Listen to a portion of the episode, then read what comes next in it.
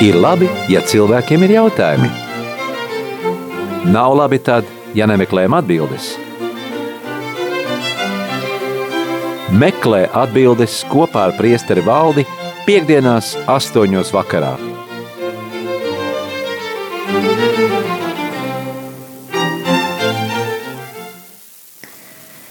Kristus ir augšām cēlies. Patiesi augšām cēlies. Mīļie rādījumi arī Latvijas klausītāji. Skan raidījums, meklē atbildes kopā ar priesteri valdi. Atgādinu jums, ka šī raidījuma laikā jūs visi esat laipni aicināti zvanīt uz studiju, lai uzdotu savu jautājumu priesterim valdim. Un tālruņa numurs studijā ir 67 969 131.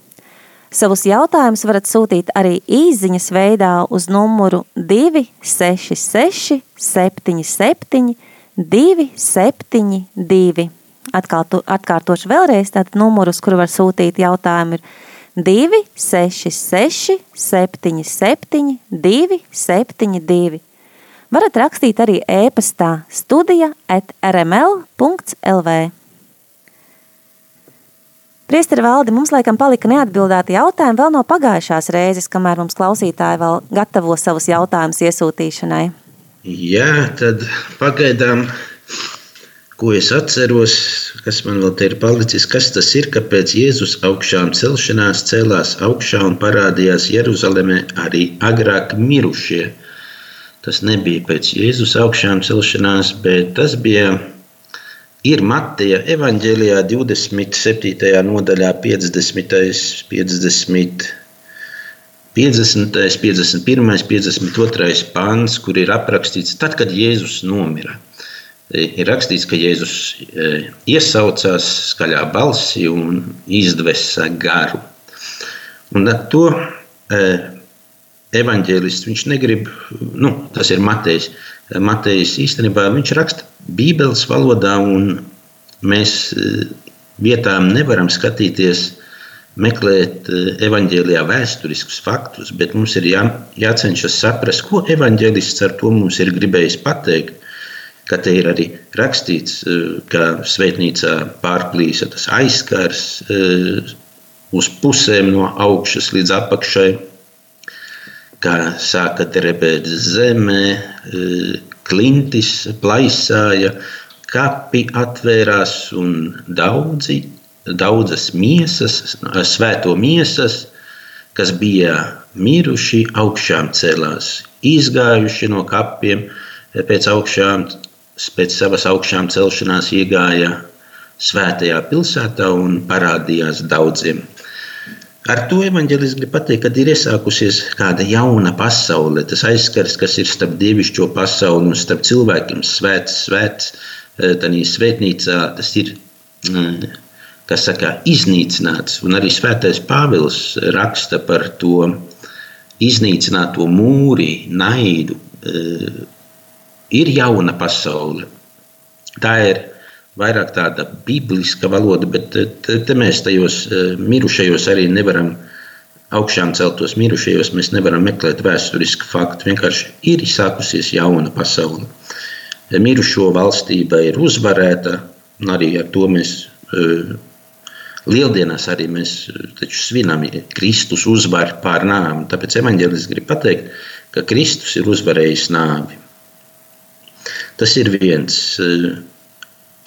bija arī viduslaika komentāri, eh, kas komentēja eh, un teica, ka nav iespējams, ka būtu kāda augšām cēlušies pirms Marijas. Jā, tāpēc kā Marija bija otrā aiz Jēzus, ja, kur varēja e, būt augšām celt, un pēc tam tikai kāds cits. Vispirms ir Jēzus, kas ir augšām cēlies, tad ir Marija, un tad, tad tikai citi. Bet tās ir tādas leģendas, un kā kādreiz cilvēks saprata to Eh, augšām celšanos. Lai gan vēl joprojām īstenībā, es domāju, mums tas noslēpums ir diezgan aizklāts un maz saprotams. Mēs viņu cenšamies saprast pa savam, eh, kaut vai bērēs. Ja? Es domāju, cilvēki ir piedalījušies bērēs, pašā beigās, kad kapiņš jau ir aizrakts, nu, es labāk cilvēkiem pajautāju, nu, kur jūs gribat to krustu likt? Galva galī vai kāja galī? Viens saka, jābūt kāja galī, tad, kad būs augšām celšanās, lai mm, eh, kad mirušais, tas mūžībā aizgājušais celsies augšā, lai viņam būtu kur pieturēties un viņš varētu izkāpt no kāpa. Un tā ir tāda maiņticība īstenībā, jo uh, Dievs mūs necels augšā tādiem eh, locekļiem, atomiem, muskuļiem, eh, kādas mēs iedomājamies tagad. Ja.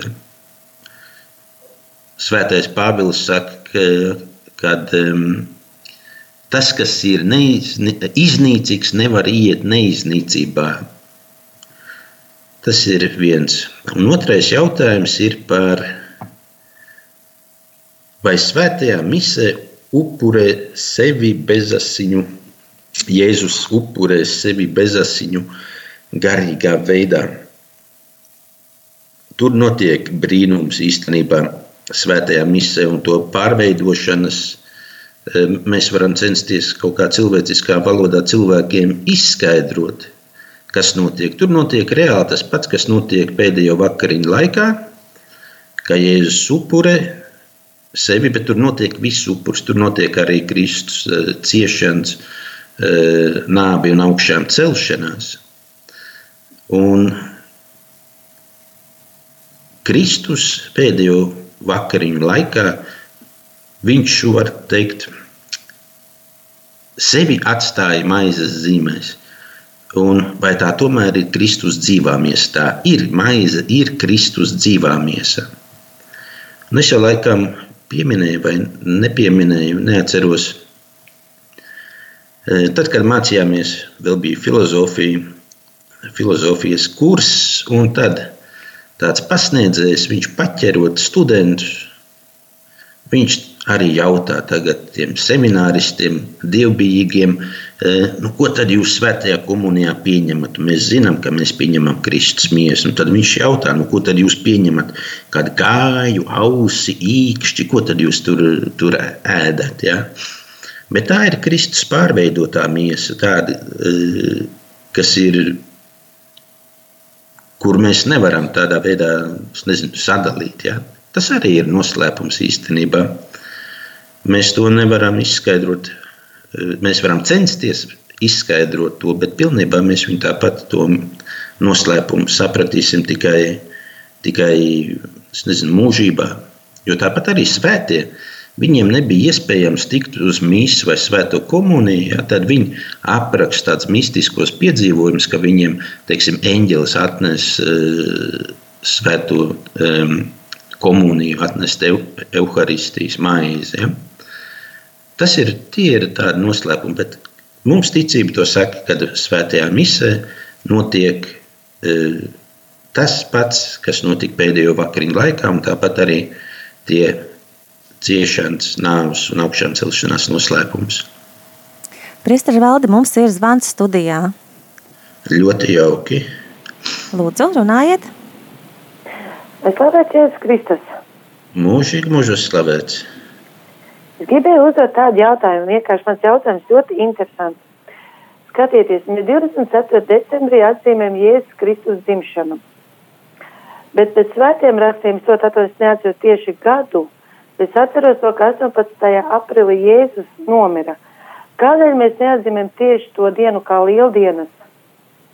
Vai kā gulto dienu un pēc tam tās lieldienas, ka viņš ir augšām cēlies, bet nu sanāk katru gadu mēs savādākā datumā tiekam atzīmētās lielienas un klusā nedēļa un augšana celšanās visu.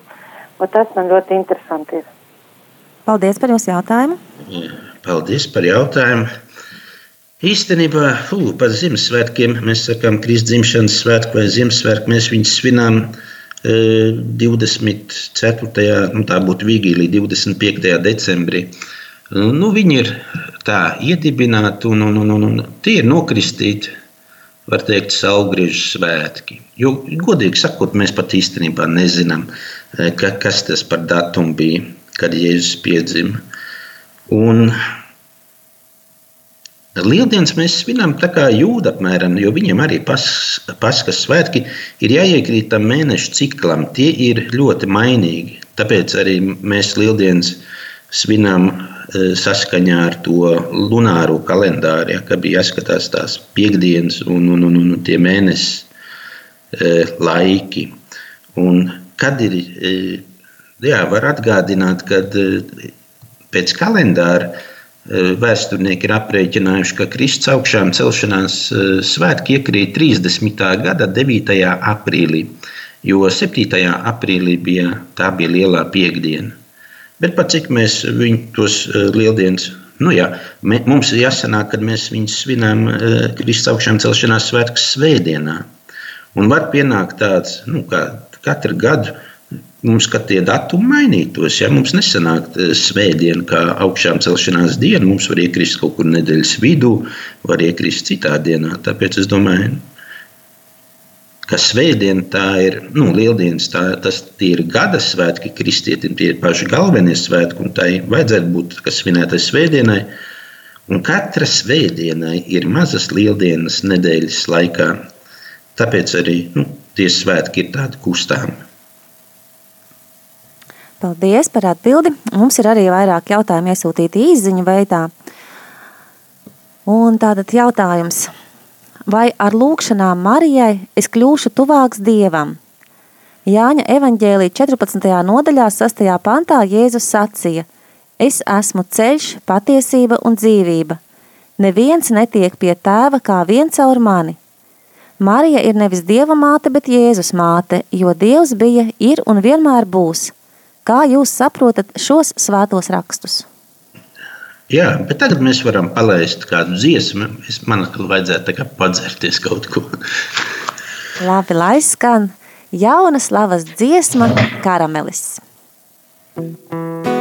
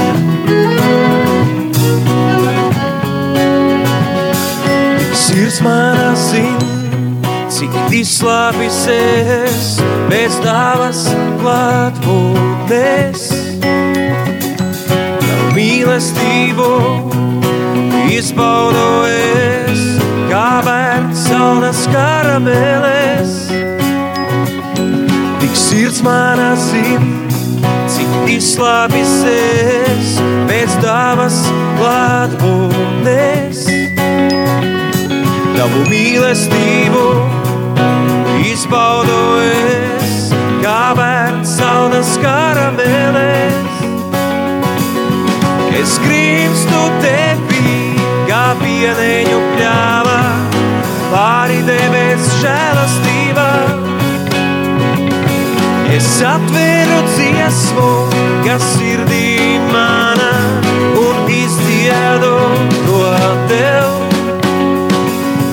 Es grimstu tevī, kā pieneņu pļāvā, pāri debes žēlastībā. Es atveru dziesmu,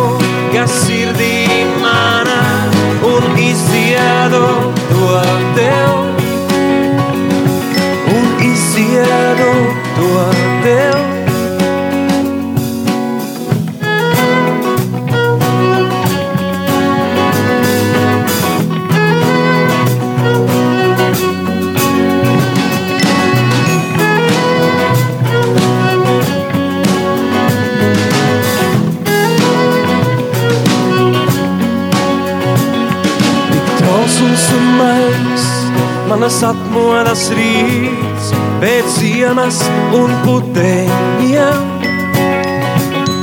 Tavu uzticību izbaudu es, kā bērns saldas karamelēs. Es grimstu tevī, kā pieneņu pļāvā, pāri debes žēlastībā. Es atveru dziesmu, kas sirdī manā un izdziedu to tev. Es grimstu tepī, kā pieneņu pļāvā, pāri debes žēlastībā. Es atveru dziesmu,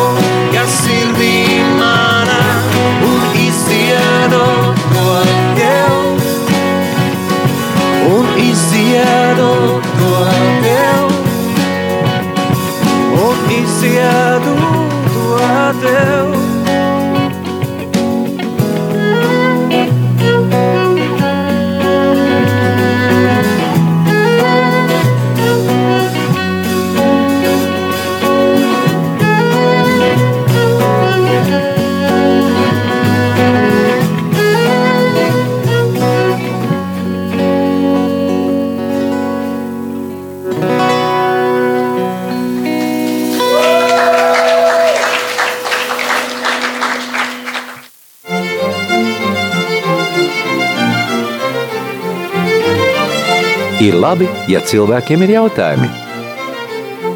Nav labi tad, ja nemeklējam atbildes.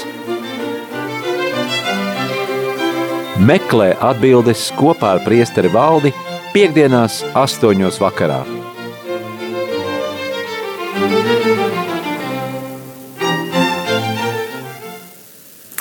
Esam atpakaļ studijā un turpinam atbildēt uz mūsu klausītāju jautājumiem. Jā, un tas jautājums par Marijas nozīmi īstenībā e, it kā svētajos rakstos mēs neatrodam, bet ja mēs lasām bērnības evaņģēlīju fragmentus, tad Marijas nozīmē Jēzus dzīvē ir, un viņa ir ļoti liela.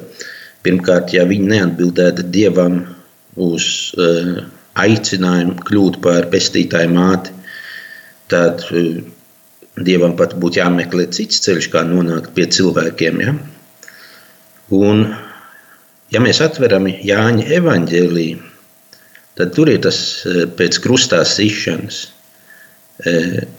Jēzus pats, viņš saka mātei, lūk, tavs dēls, sieviete, lūk, tavs dēls, un apustulim, tam māceklim, kurš bija pie krusta, viņš saka, lūk, tava māte.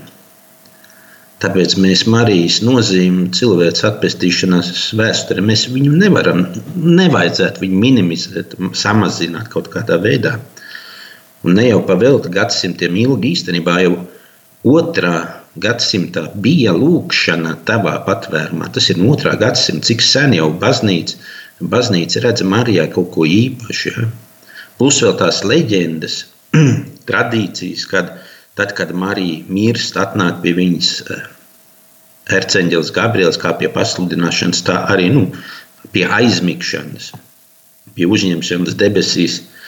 Viņš saka, Marijai, nu, ir laiks pienācis tev atstāt šo pasauli. Marija saka, nu, nē, es negribu. Pirmā baznīca, tam apstuļu kopiena pret mani labi izturās. Man šeit ir labi. Un tad eņģelis Gabriels saka, nu, tad tu būsi kopā ar savu dēlu. Un tad Marija saka, jā, labi, es gribu būt kopā ar savu dēlu. Un viņi vēl izsaka tur vēlēšanās. Tas vien parāda Marijas nozīmi pirmajā baznīcā un vispār baznīcas, baznīcas vēsturē ticīgo dzīvē, tāpat rožkronis, šī lūkšana, viņi ir sen. Tā arī ir, viņi ir pamatot uz svētajiem rakstiem. Un ja mēs ticam, ka Jēzus ir Dieva dēls, tad kas ir Mārija? Viņa nav Jēzus māte. Ja viņa ir arī Jēzus māte, tad viņa ir arī Dieva māte.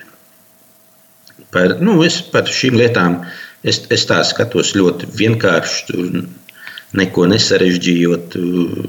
Es domāju, tas ir ļoti saprotams. Paldies par atbildi. Tad mums ir vēl jautājums. Kāpēc Jēzus laupītājam pie krusta saka, tu vēl šodien būsi ar mani paradīzē? Ja kredo apliecinām, ka ticam, ka Jēzus nokāpa ellē un tur bija kādu laiku. Tad ir jālasa svētā akvīnas toma, teoloģiskā summa par tiem laikiem, jo mēs dzīvojam, mēs esam laikā, telpā, cilvēks ir ierobežots un mums ir tie gadi, dienas, stundas. Bet svētajos rakstos pat psalmos ir rakstīts, ka viena diena kā tūkstots gadu, tūkstots gadu kā viena diena e, dievam. Ja? Akvīns, svētais Akvīns Toms raksta, ka eņģeļiem taču arī ir viņš ir savādāks, tie laiki ir savādāki. Evum. Tur eh, Dievs ir ārpus laika vispār. Tāpēc atkal šeit eh, mums pat ir grūti saprast, ka mēs eh, domājam par to augšām celšanos, nu, kad viņi būs. Jā. Tāpat arī par tām tiesām, nu, kad cilvēks nomirs, nu, vai viņš tagad ir tiesā, vai tā ir viņam vispārējā tiesa, vai tā ir tā e, personīgā, privātā tiesa.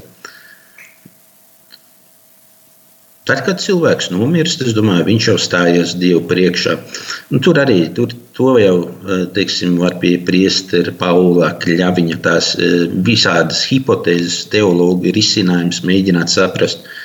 Es domāju, atkal es šeit stāvu noslēpumu priekšā un es negribu teikt, ka eh, es to varu izskaidrot un es to zinu. Paldies!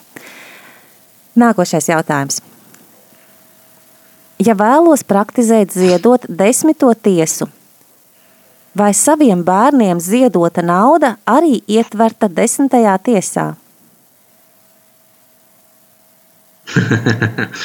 nu, es domāju, saviem bērniem nu, tas jau ir savās interesēs. Tas ir darīts, tas nav ziedots. Eh, tas ir, nu, ja bērni ir mazi, tā jau drīzāk būtu tāda teiksim, investīcija Desmitā tiesa, nu, tas ir ziedots, uz to tu nerēķini. Ziedots nozīmē, ka es no kaut kā atsakos, es atdodu daļu no sava kaut kam, ne, nu, nerēķinot to, vai man tas atgriezīsies vai nē. Kā Jēzus saka, ja tu dod, lai lab, kreisā roka nezina, ko dara tava labā.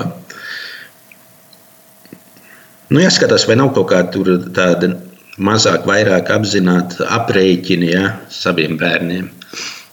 Nu, Bērniem tāpat ir pienākums, tas vecākiem ir pienākums, ja, ja vēl vairāk, ja viņi nav pilngadīgi, nestrādā, ir maz un e, viņus uzturēt un audzināt. Tur jau pat nav jārēķina nekādas desmitās tiesas. Jau vecāki ziedos savu dzīvi, dzīvību, viņa darbu, laiku. Viņi jau ziedos saviem vecākiem. Kāda tur desmitā tiesa? Tā gan. Nākošais jautājums. Kustībai prosanktitāte ir rožu kroņa lūkšana svētajam Jāzepam. Vai ir arī rožu kroņa lūkšanas svētajam Dominikam, svētajam Benediktam, svētajam Franciskam? Nu, uz to es nepateikšu, nedošu atbildi, tāpēc, kad uh, vai rožu kroņi tiem svētajiem. Ir, ir dažādi kronīši. Mēs zinām, ka žēlsirdības kronīte Latvijā ir populārs un rožu kronis, bet ir vēl visdažādākie kronīši, kas ir domāti Jēzus sirdī, tur ciešanām, par sāpēm, par ko tur. Bet par rožu kroni svētajiem nezinu. Es zinu, ka noteikti ir dažādas citas lūkšanas un litānijas. Ir, e, neatbildēšu, nezināšu atbildēt uz šo jautājumu. Uh mhm. -huh. Nākošais jautājums. Pirmdzimtā upurēšana dievam, vai tas nozīmē, ka visi upurētie būs priesteri? Tas ir jāskatās, tā ir vecā derība, ka bija katrs vīriešu kārtas pirmdzimtais piederēja bijusi upurs svēts dievam. Mm, lops un cilvēks. Bet nē, nē, nē, nē, nē. tas nenozīmē, ka, ka bija priesteri Priesteriem beigās izvēle ir viena cilts, ir levīti. Ja? E, tas, kas tika upurēts dievam, e,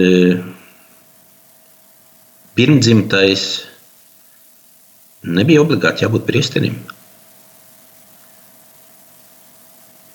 Mhm, paldies! Vai baptistu un luterāņu mācītāji arī mazgā kājas cietumniekiem? Nē, es piedalījies kopīgā pasākumā, nezinu, nezinu. Tur jāprasa tiem kapelāniem, vai viņiem viņiem jau tāds, es nezinu, vai dievkalpojums ir, vai kāja mazgāšana varbūt arī savādākā simbolikā, bet mm, nezinu tādu gadījumu. Vēl ir tāds interesants jautājums, varbūt jūs zinat, grāmatas mieram tuvu aprīļa mēneša vāks. Ko konkrētie izšuvumi nozīmē? Tad ir jāprasa tiem, kas izdod šo, kas noformē grāmatas to vāku. Eh, viņi varētu eh, do, nu, pateikt precīzi, kas tur ir virsū, kas ar to ir domāts, bet arī varbūt nevienmēr.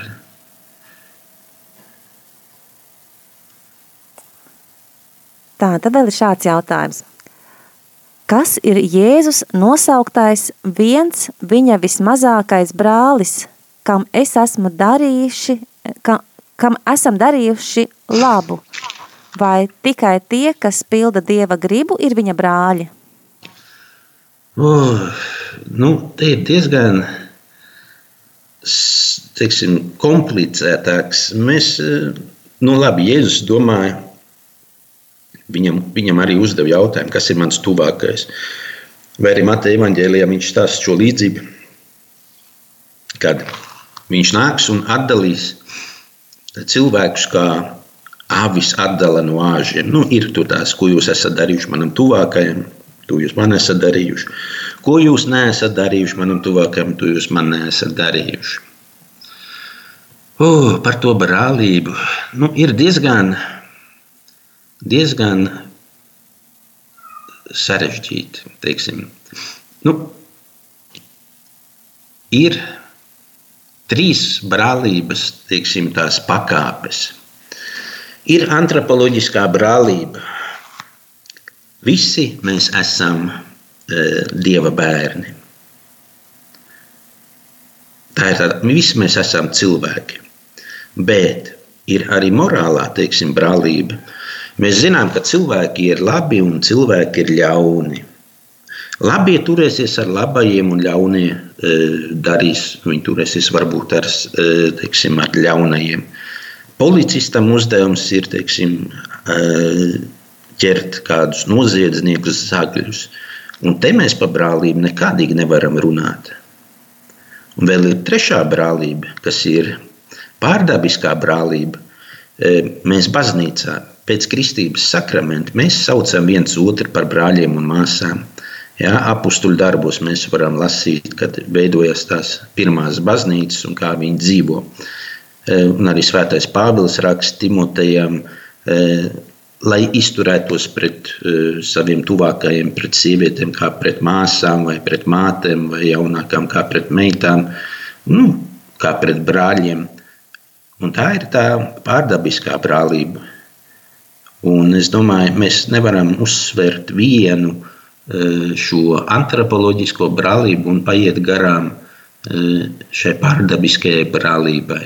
Tas ir mūsdienu pasaule. Bet, jebkurā gadījumā, nu, mums ir jāskatās, ka mēs darām labu, ka mēs darām labu cilvēkiem. Mēs, e, mēs darām, kā Jēzus būtu rīkojies. Mēs darām labu arī pat, nu, tiem, pret kuriem mums ir teiksim, antipātijas, jā, vai varbūt kāds pret mums kaut ko ir sagrēkojis.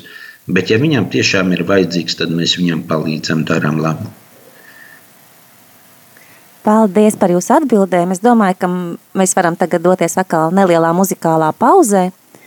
Un klausītāji tikmēr var sūtīt savus jautājumus. Tātad atgādinu, ka jūs tos varat sūtīt īsiņas veidā uz numuru 266 77 272 vai arī sūtiet e-pastu uz studija at rml.lv.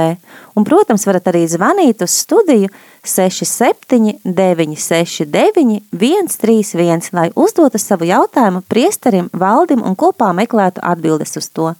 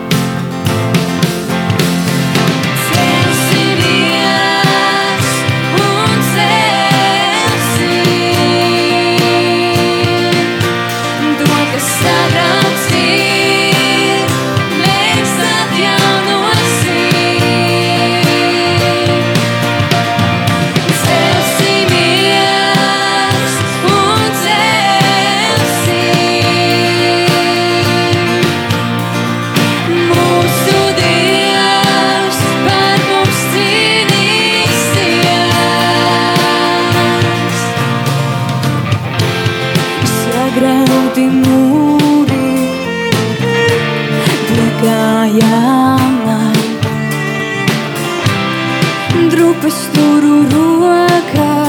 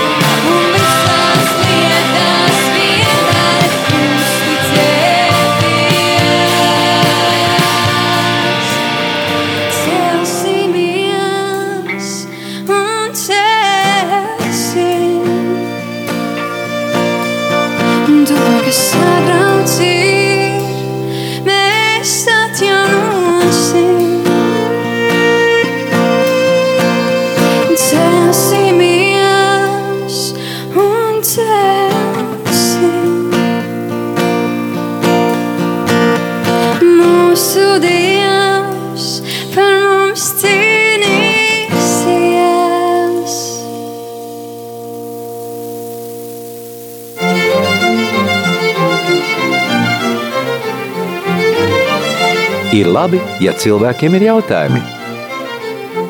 Nav labi tad, ja nemeklējam atbildes. Meklē atbildes kopā ar priesteri valdi piekdienās astoņos vakarā.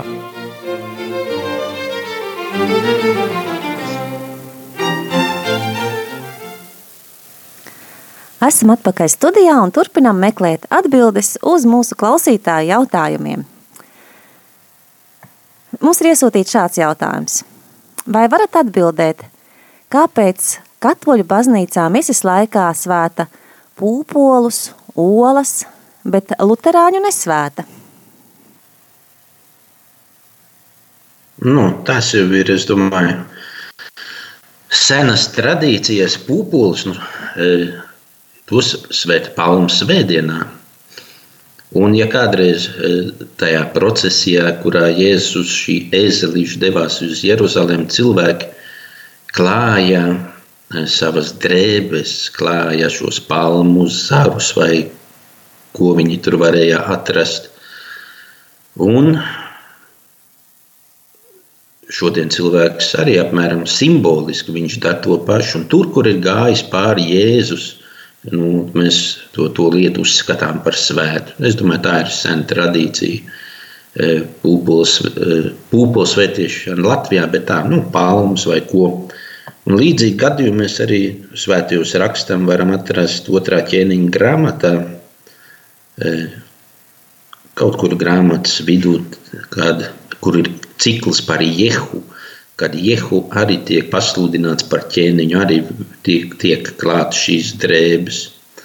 Procesijā, kad nes visvētāko sakramentu, arī kaisa ziedus, ziedu, tur ziedlapiņas un ko. Un arī mēs zinām, ticam, ka Jēzus ir gājis pāri, un citreiz pat cilvēki paņem kādu daļu no tām lapiņām un saglabā to tā kā tāda sakramentālija. Plus vēl Eh, no šiem svētītajiem pūpoliem, eh, kas ir pasvētīti, tad eh, pēc pūpoļu svētdienas šos pūpoļus viņus var laiku pataupīt, bet pēc tam viņi pēc tradīcijas tiek sadedzināti, un šie pelni tiek izmantoti nākamā gada pelnu trešdienā, kad, kur to, tiem pelniem, kas tiek aizsīti uz cilvēku galvām, pelnu trešdienā. Kas attiecās uz olu svētīšanu, nav tikai olu svētīšanas. Svētība rituālē ir vispār lieldienu maltītes svētīšana, ne tikai olas. Olas ir, tas ir kā jauns dzīvības simbols. Ar Kristus augšām celšanos mums arī mums ir jauna dzīvība, ko mēs saņemam garīgo, kad mēs tiekam atpestīti ar Kristus ciešanām, nāvu un augšām celšanos. Un tāpat arī lieldienu maltītei tiek svētīta maize, miltu izstrādājumi, gaļas. Nu, jebkurš īstenībā ēdiens, kas ir domāts lieldienu galdam. Kāpēc tas nav Lutāņu un Baptistu baznīcās? Nu, tīri šīs konfesijas ir izveidojušās vēlāk. Un, Viņi ir uzskatījuši par vajadzīgu kaut ko saglabāt, kaut ko nesaglabāt. Nu, tas jau ir no viņiem atkarīgs. Mm, labi, paldies. Tad vēl ir šāds jautājums. Jēzus teica, ka vieniem tēvs ir dievs, otriem vēlns. Ko nozīmē tie, kas ir no patiesības, klausa Jēzus balsi teikto? Vēl vienreiz to jautājumu atkārtu. Tas ir kāds evaņģēlīja fragments. To. Tos pašus no paša sākuma? Tātad Jā. vi, Jēzus teica, ka vieniem tēvs ir da, dievs, otriem vēlns. Ko nozīmē? Tie, kas ir no patiesības, klausa Jēzus balsi teikto. À, nu, uh, uh. Tas atkal ir Jāņa evaņģēlijas noteikti. Un, un, un, uh, Kas klausa meliem? Eh, Vēlns satans ir melu tēvs. Un, ja cilvēks eh, apzināti dzīvo melos, protams, tad viņš nolieks patiesību un, un nevar, nebūs. Viņš sev, nu, tē, Dievs viņam nebūs par tēvu.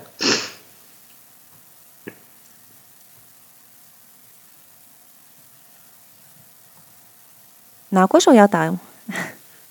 Jā, es domāju, jo te ir eh, ļoti vienkārši. Jo, uh, nu, ja kāds nepieņem Jēzu kā, kā Dievu sūtītu patiesību, kā dieva dēlu, kā iemiesoto dieva vārdu. Nu, viņš neticēja dievam. Tā, tāds arī nevarēja, nevarēja pieņemt. Nu, ja netic eh, dieva sūtīt dieva dēlam, tad arī, nu, ja kādam dēls nav dēls, tam arī nav tēva. E, to arī evanģēlijā, man liekas, Jēzus saka. Ja? Nākamo jautājumu. Labi, paldies. Ko labais samarietis mums māca par dieva valstību? Labais samarietis, ko mums māca. Nu, te jau atkal parādās. Labais samarietis tā ir līdzība, ko Jēzus stāsta. Nu, labi, tā, var, tā var būt iedomāta persona. Tā ir līdzība un, un, un labais, ko viņš stāsta. Nu, Jēzus jautā, kas ir mans tuvākais. Tas Jēzum jautā, kas ir mans tuvākais. Un tad Jēzus stāsta šo līdzību, ko aiziet. E, kas tur aizgāja priesteris, aizgāja levīts un, un, un, un, un, un e, pagāja cietušajām garām, kurš ir atstāts pusdzīvus ceļā no Jeruzalemes uz Jerihu. Un tad iet samarietis un ir, ir tās viņa īpašības samarietim, ka viņš iežēlojās. Ja, šī splanknīdzomai, e, ko Jēzus visbiežāk viņš piemēro līdzībās attiecinot uz Dievu, tad šis labais samarietis ir piemērs, e, kā līdzināties Dievam, kā būt, kā būt e, Dieva bērnam, nesot sevi dievišķās īpašības, ja, kas, ka viņš iežēlojās, viņš pietuvojās, viņš piegāja klāt, viņu apkopa, uzcēla uz savu jājangopu, ielēja viņa vātīs, tur rētās ielēja vīnu, tur e, ieziedā reļu, nogādāja tanī e, viesu mājā, teiksim, un vēl samaksāja par viņu. Ja. E, Dieva bērns, ar ko arī semītiem asociējās e, būt par bērnu. Bērns, viņš nes sevi sava tēva īpašības. Un, ja kāds nes sevi dievišķas īpašības, ja, šīs, ko tikko mēs pieminējām, tas ir dieva bērns. Ja kāds nerīkojas tā, nu rīkojas tieši pretēji, tas nevar būt. Viņš nebūs dieva bērns, viņš būs nu, pretēji. Paldies! Tad mums vēl ir jautājums par grēku. Kādreiz man tika pateikts, ka vienīgais grēks, ko Dievs nevar piedot, ir pašnāvība. Kad bija tāds depresīvs periods, tad šis mani patiešām atturēja to izdarīt. Bet vai tā tiešām ir, ka to nevar piedot? Arī ļoti sarežģītos apstākļos, piemēram, kad 1. septembra teroraktā cilvēka piespiedu kārtā leca pa logu. Vai... Tas ir par, to, par tiem Ņujorkas, par tiem debeskrāpjiem. Jā, jā. Labi, jebkurā gadījumā objektīvi svēt, dievu baušļi tev nebūs nokauti. Nokautas ir atņemt dzīvību. Nevienam cilvēkam nav tiesības atņemt dzīvību ne savam tuvākajam, ne sev, nekādam citam. Izņēmumi ir, teiksim, karš. Ir galīgi tāda galēji vajadzība, nepieciešamība, ja atņemt, teiksim, kādam uzbrucējam, ja nevar savādāk, nevar kaut ko minimāli. E, tas ir normāli, normālos apstākļos, teiksim, bet e, cilvēks, kurš izdara pašnāvību, nu, e, normāli cilvēkam instinkts ir saglabāt sev dzīvību. Ja viņam tas instinkts nenostrādā, nu, arī bieži nu, tie, kas izdarīja kādreiz senākos laikos pašnāvību, viņus nevarēja apglabāt svētītās zemē. Jo nu, kā tu ap, tāda nāvīgā grēkā miruši ap, apglabās svētītā zeme, nevarēja. Viņus apglabāja ārpus kaut kur aprak, ārpus uh, kapsētas uh, teritorijai vai kā. Uh, objektīvi tas ir nāvīgs grēks. Un tādā gadījumā, nu, ja cilvēks nomiris nāvīgā grēkā, mēs ticam, jā, ka uh, nu, cilvēkam viņš liedz sev pestīšanu tādā veidā. Atstājot šo pasauli nabīgā grēkā, cilvēkam nav iespējams cerēt uz pestīšanu, ja viņš nenožēlo. Nu, grūti pateikt, tad brīžos, kad kāds izdara, vai viņš nožēlo vai nenožēlo, vai eh, kas viņa galvā, cilvēka prātā notiek, psihē, eh, kad viņš metas savai dzīvībai virsū, kad viņš tur saskat vienīgo risinājumu. Nu, to mēs varam ķidāt un, un, un, un iztirzāt visdažādākos veidos. Vai nu cilvēks ir vājš, vai nu viņš ir egoists. Ja viņš domā tikai par sevi, viņš nepadomā par citiem, ko viņš eh, ar savu teiksim, neapdomāto rīcību izdara un kas kādas sekas tas atstāja pēc tam tiem, kas paliek ģimenē, bērniem vai vēl kaut kur. Eh, vai nu arī galīgākais izmisums. Un arī tāpēc eh, morālajā teoloģijā depresija vai tas cīdija tiek uzskatīts par vienu no lielākajiem grēkiem, atdodoties tādai depresijai. Un arī viens no visbīstamākajiem grēkiem, jo cilvēks tādā e, stāvoklī viņš var mesties virsū savai dzīvībai. E, bet kas, kas īstenībā, kā Dievs to e, izvērtēs to situāciju. Nu, tur katrs gadījums ir atsevišķs. Ja. Nu, cilvēkiem ir dažādas, teiksim, mums ir arī katram ir savs teiksim, sāpju līmenis, kur katrs var paciest, tāpat arī teiksim, tā psiholoģiskā spiediena vai, vai kāda tur eh, spiediena ietekmība vai vēl.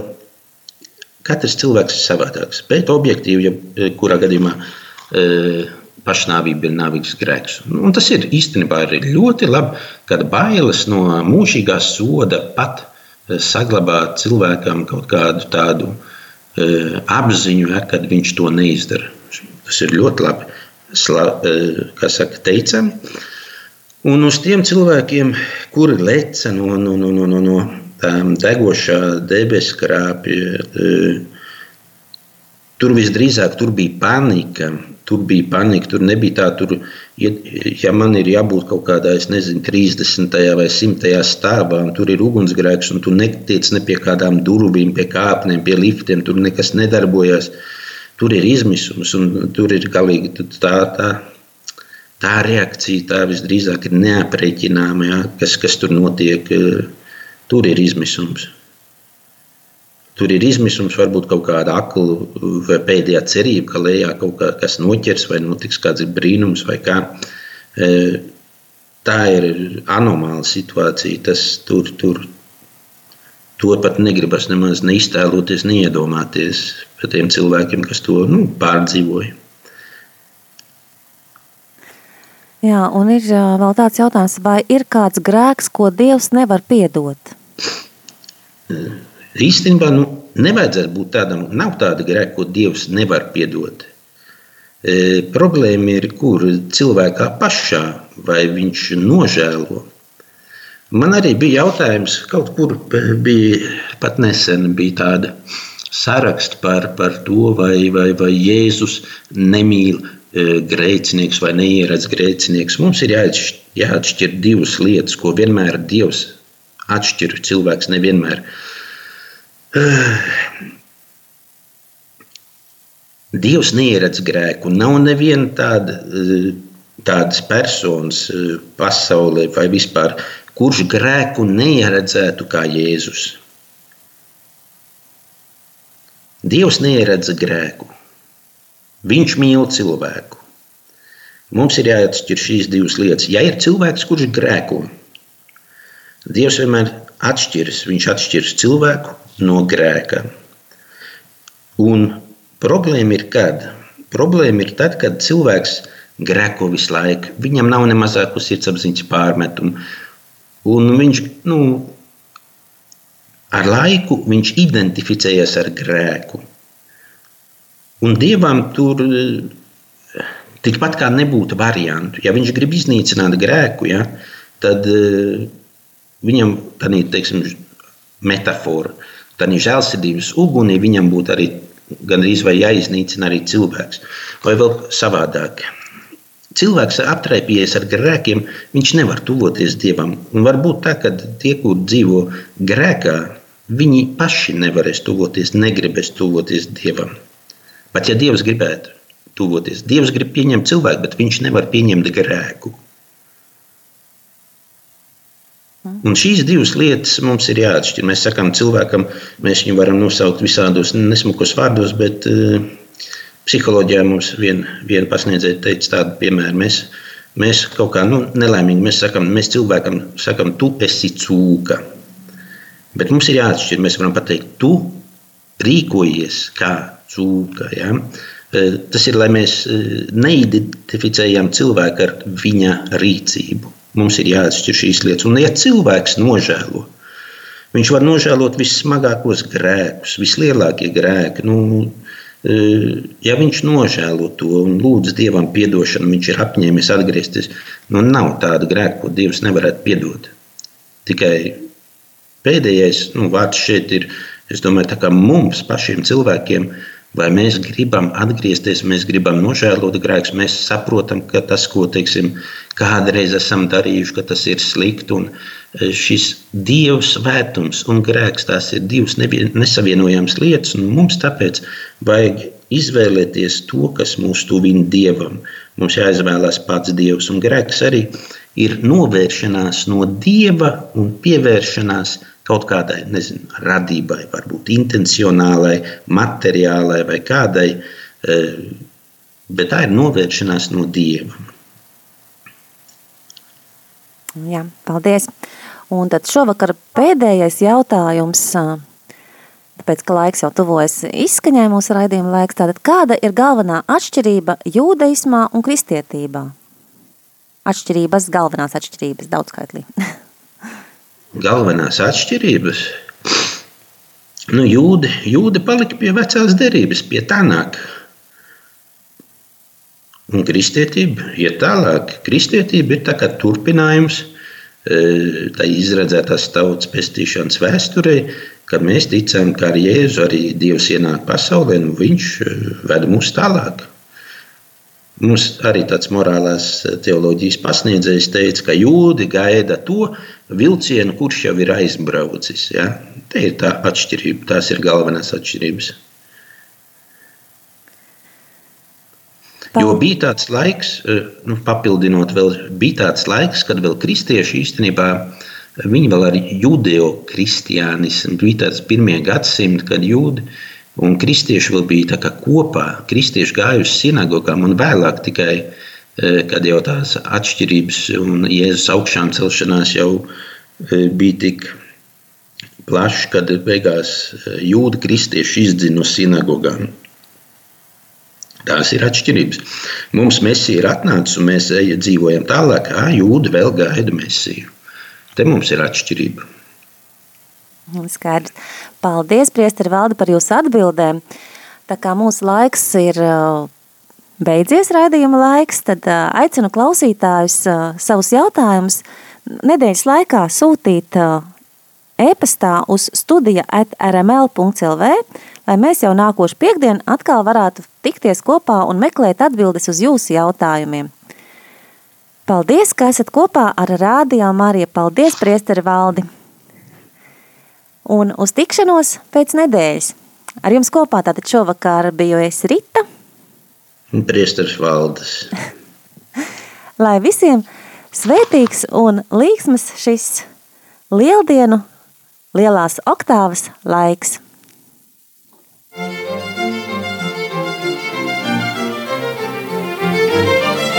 Ir labi, ja cilvēkiem ir jautājumi. Nav labi tad, ja nemeklējam atbildes. Meklē atbildes kopā ar priesteri valdi piekdienās astoņos vakarā.